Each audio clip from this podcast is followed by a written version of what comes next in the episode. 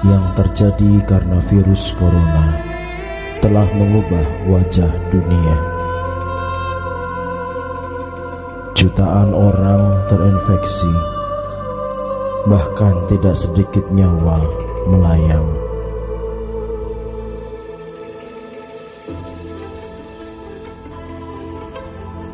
Para medik berjuang bertaruh nyawa di garda depan. Tatanan baru terpaksa diterapkan.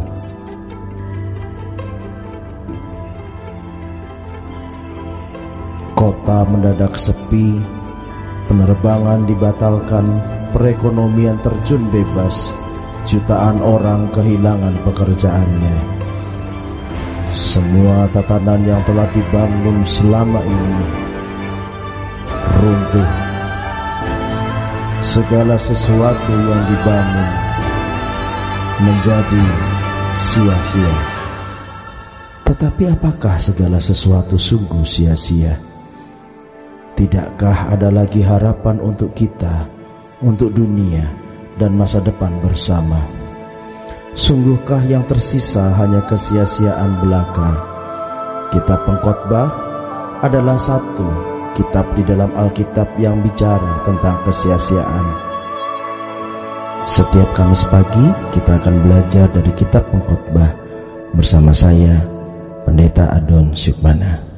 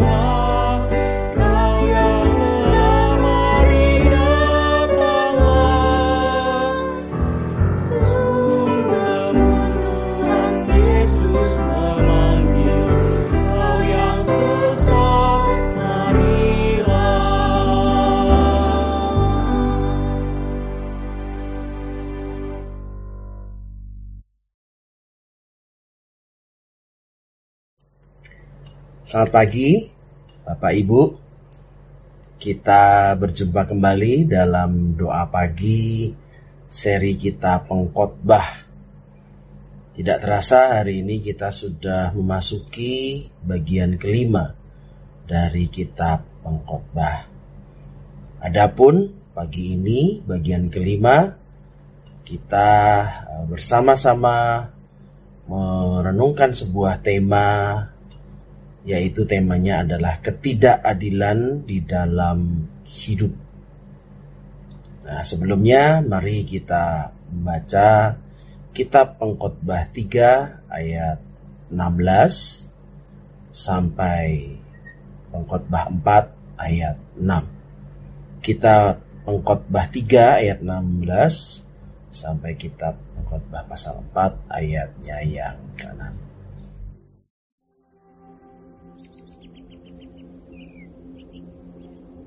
Ada lagi yang kulihat di bawah matahari. Di tempat pengadilan, di situ pun terdapat ketidakadilan. Dan di tempat keadilan, di situ pun terdapat ketidakadilan. Berkatalah aku dalam hati,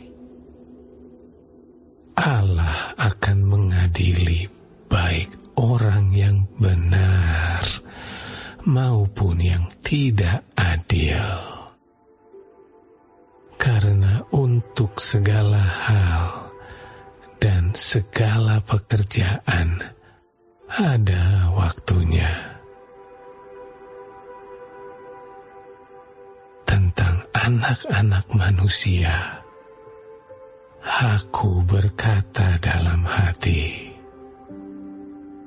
Allah hendak menguji mereka dan memperlihatkan kepada mereka bahwa mereka hanyalah binatang. Karena nasib manusia adalah sama dengan nasib binatang. Nasib yang sama menimpa mereka. Sebagaimana yang satu mati, demikian juga yang lain. Kedua-duanya mempunyai nafas yang sama dan manusia mempunyai kelebihan atas binatang. Karena segala sesuatu adalah sia-sia. Kedua-duanya menuju satu tempat. Kedua-duanya terjadi dari debu, dan kedua-duanya kembali kepada Siapakah yang mengetahui apakah nafas manusia naik ke atas dan nafas binatang turun ke bawah bumi? Aku melihat bahwa tidak ada yang lebih baik bagi manusia daripada bergembira dalam pekerjaannya. Sebab itu adalah bahagiannya.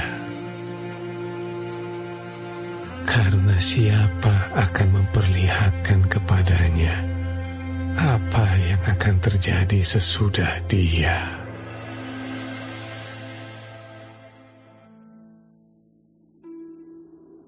Lagi, aku melihat segala penindasan yang terjadi di bawah matahari.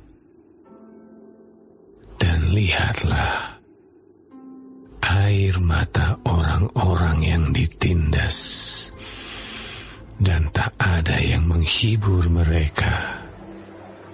Karena di pihak orang-orang yang menindas, ada kekuasaan. Oleh sebab itu, aku menganggap orang-orang mati yang sudah lama meninggal lebih bahagia daripada orang-orang hidup yang sekarang masih hidup. Tetapi yang lebih bahagia daripada kedua-duanya itu, kuanggap orang yang belum ada, yang belum melihat perbuatan jahat yang terjadi di bawah matahari. Dan aku melihat bahwa segala jerih payah dan segala kecakapan dalam pekerjaan adalah iri hati seseorang terhadap yang lain. Orang yang bodoh melipat tangannya dan memakan dagingnya sendiri. Segenggam ketenangan lebih baik daripada dua genggam jerih payah usaha menjaring angin.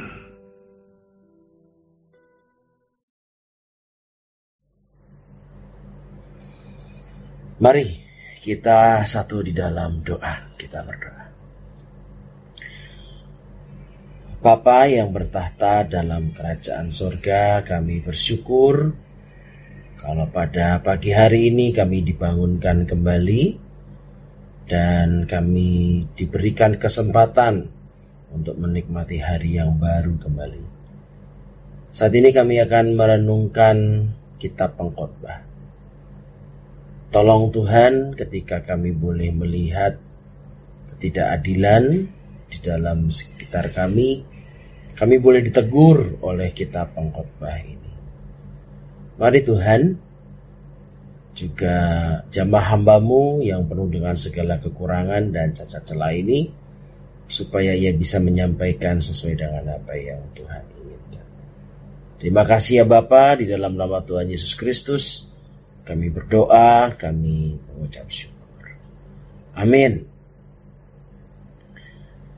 Bapak Ibu yang dikasih Tuhan, Lembaga Alkitab Indonesia memberikan sebuah uh, judul dalam perikop ini adalah ketidakadilan dalam hidup. Ada sebuah istilah aja rumangsa. Jangan merasa atau jangan mentang-mentang lah. Aja rumangsa ini biasanya istilah yang dipakai untuk memberikan nasihat supaya kita ini mawas diri kalau kita punya kedudukan, kalau kita punya kuasa, aja rumangsa. Jangan mentang-mentang. Justru sebaliknya kita harus berhati-hati. Loh, kenapa? Karena kedudukan, harta, kuasa, kekayaan yang kita miliki ini bisa jadi justru malah sangat mungkin menyakiti hati orang lain menyakiti terutama adalah orang-orang yang sederhana, orang yang kecil.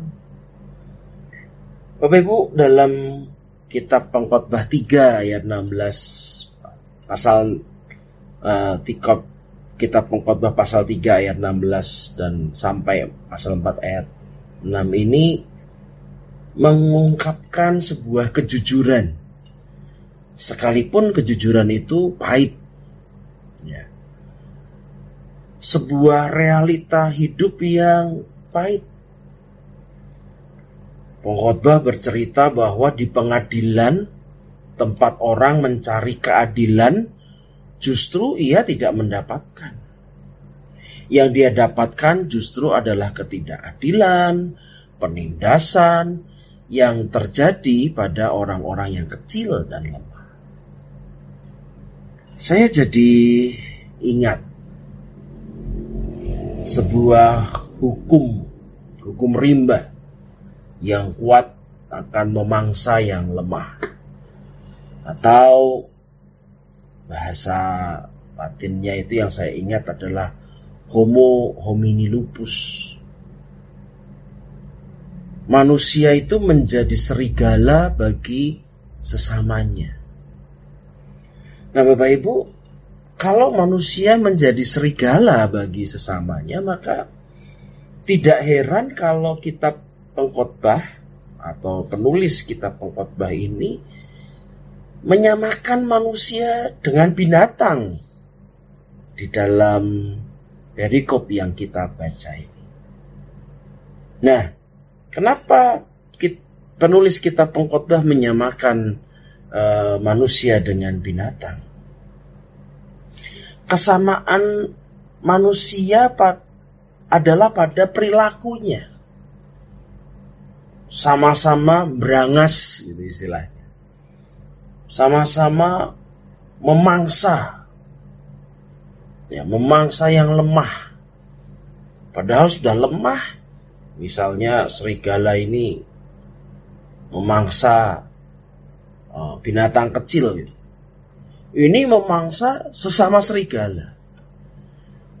Itu kan berarti, waduh itu gak ketulungan gitu ya. Nah, akan tetapi kesamaan manusia yang tidak beradab ini, itu bukan saja persoalannya itu bukan karena pada kelakuannya saja. Kita pengkhotbah dalam pasal yang kita baca ini mengingatkan bahwa manusia dengan binatang itu punya kesamaan. Apa kesamaannya? Mempunyai akhir yang sama. Apa akhir yang sama itu? Akhir yang sama itu adalah kematian. Baik manusia, baik binatang, ya dua-duanya akhirnya pada akhirnya pada mati semua semuanya baik manusia maupun binatang akan kembali menjadi debu. Bahkan pengkhotbah ini mengatakan setelah manusia mati, nyawa manusia yang biadab, nyawa manusia yang yang homo homini lupus itu yang memakan mangsa mannya itu itu dapat tidak dapat dipastikan diterima Allah atau tidak. Wah kalau kita berpikir bahwa orang Kristen itu masuk surga begitu ya. Tapi ini justru kita pengkhotbah mengatakan begini di ayat yang ke-21. Siapa yang mengetahui apakah nafas manusia itu naik ke atas? Naik ke atas itu nafas itu uh, sering digambarkan sebagai roh nefesi. Itu. Siapa yang dapat memastikan kalau roh manusia itu naik ke atas. Tidak ada yang memastikan. Tidak ada yang bisa memastikan. Kalau kelakuannya sama kayak binatang.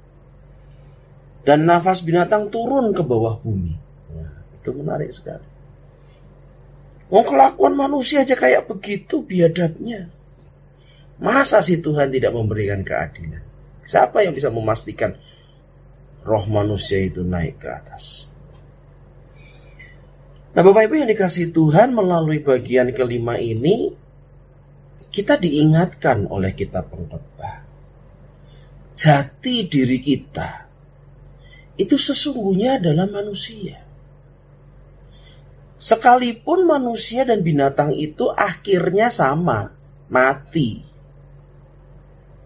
Tapi kita tidak sama dengan binatang.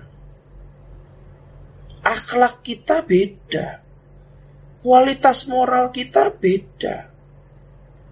Kita tidak sama dengan binatang. Wong binatang itu tidak mengenal adil atau tidak adil. Tidak mengenal hal itu.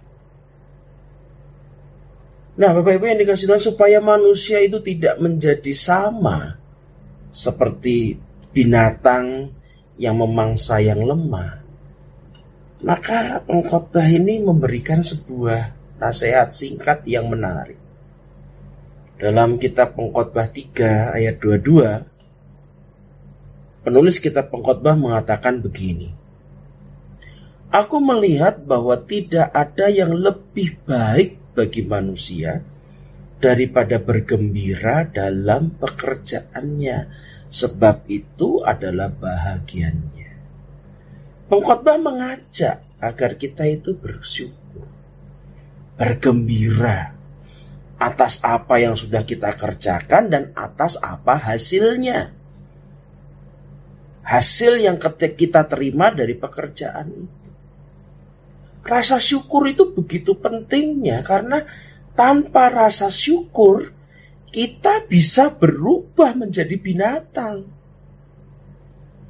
Karena tanpa rasa syukur itu, orang kecil, orang lemah bisa kita korbankan demi kepuasan dan nafsu angkara kita. Bapak Ibu saya jadi ingat sebuah teka-teki. Apa bedanya antara manusia mati dengan ayam yang mati? Bapak Ibu pasti sudah tahu karena teka-tekinya sudah menyebar di grup-grup WA. Jawabannya adalah jika manusia mati itu namanya jenazah atau mayat.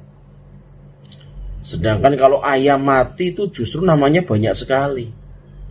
Ada ayam rendang, ayam goreng. Ya, ayam kalau sudah mati itu, ya kalau nggak dia digoreng, direndang, dibakar.